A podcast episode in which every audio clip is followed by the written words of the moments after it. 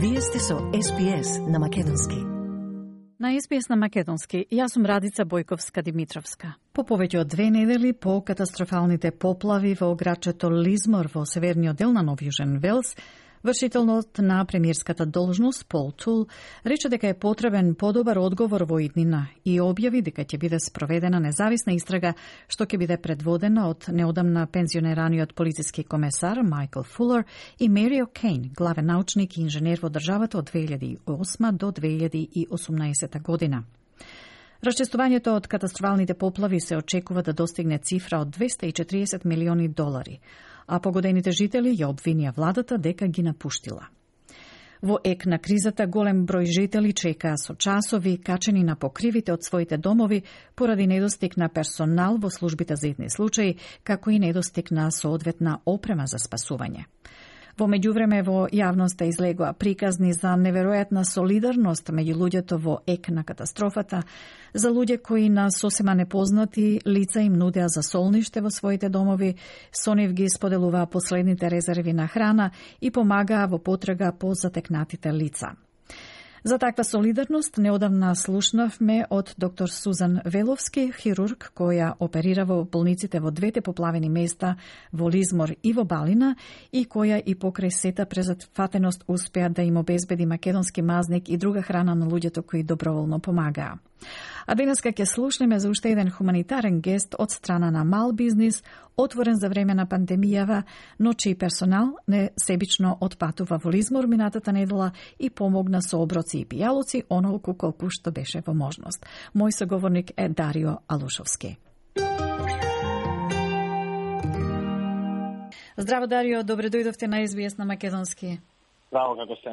Вие сте менеджер на малиот бизнис The Burek Men во Gold Coast и минатата недела се најдовте во погодениот од катастрофални поплави Лизмор.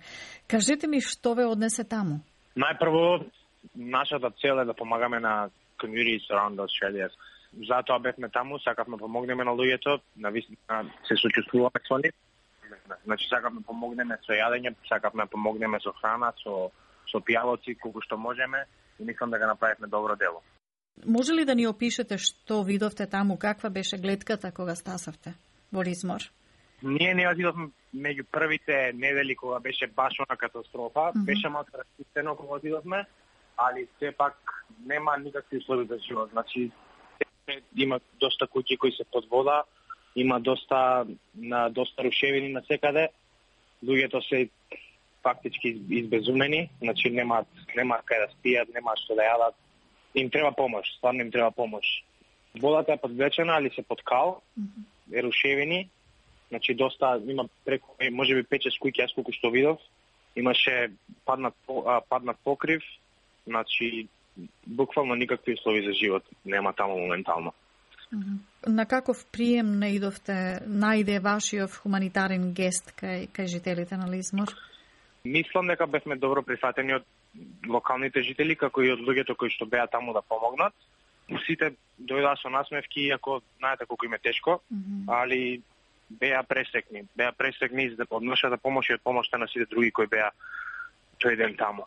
Со што друго им се помагаше на тие луѓе? Значи имаше доста штандови со облека, донации од облека, имаше доста доста други фуд штендови, значи главно беше за храна. Mm -hmm за храна и пијалоци, затоа што стварно немаат вода, немаат немаат ништо, буквално ништо. Сите шопови, сите улици се ископани и се под кал рушевина. Дарио, вие сте менеджер на малиот бизнис. Беше ли погодено од кризата со пандемијата? А, значи, бизнисот се отвори прошлата година, 28 мај, значи 2021. На почетокот беше тешко поради корона, значи отворија во корона време, али сега полека како се отворија границите, се повеќе и повеќе наши луѓе доаѓаат и не поддржуваат, а доста и срби и хрвати значи доаѓаат и поддржуваат нашиот бизнис. Кажете ни нешто и за вас, од каде сте, како отидовте во Голд Кост, од каде сте од Македонија? Како отидов јас во Голд Кост? Значи јас сум од Битола, по потекло, али живеев во Скопје. Mm -hmm. Дојдов на Голд Кост три месеци како на work and travel, али никогаш не се вратив во Македонија. Татко ми е роден во Сиднеј, имав можност и останав тука да живеам. Јас дојдов од Македонија директно, значи директно. А директно? Uh -huh. Да, пред две и пол години, три. И не зажаливте? Не, во никој случај. Значи како Пол оди бизнисот? Пол погода, браво. Значи како оди бизнисот во моментов? Во моментот сме многу зафатени. Значи сега бевме зафатени со Божик, доста македонски резервации, доста вечери, помагаме и во црквата колку што можеме. Имаме неколку резервации од по 20 луѓе исто македонци кои ќе дојдат да не посетат. Се надеваме наскоро ќе има и жива музика, па ќе видиме. Значи за веќе сега сте популарни во заедницата. Да. Главно се тие од Сидни и од Мелбурн. Се чувствува ли дека има враќање на туристите во моментов? Да, да, на големо. Значи, кога почнавме беше само локални локални жители од а, островот каде што се наоѓа кафичот. Сега е стварно има има и европејци, има и од странство луѓе кои што заја, значи код кога се отворија границите, кога можеш да патуваш, се приметува голема разлика. Значи веќе се чувствува раздвиженост во градот? Да, да.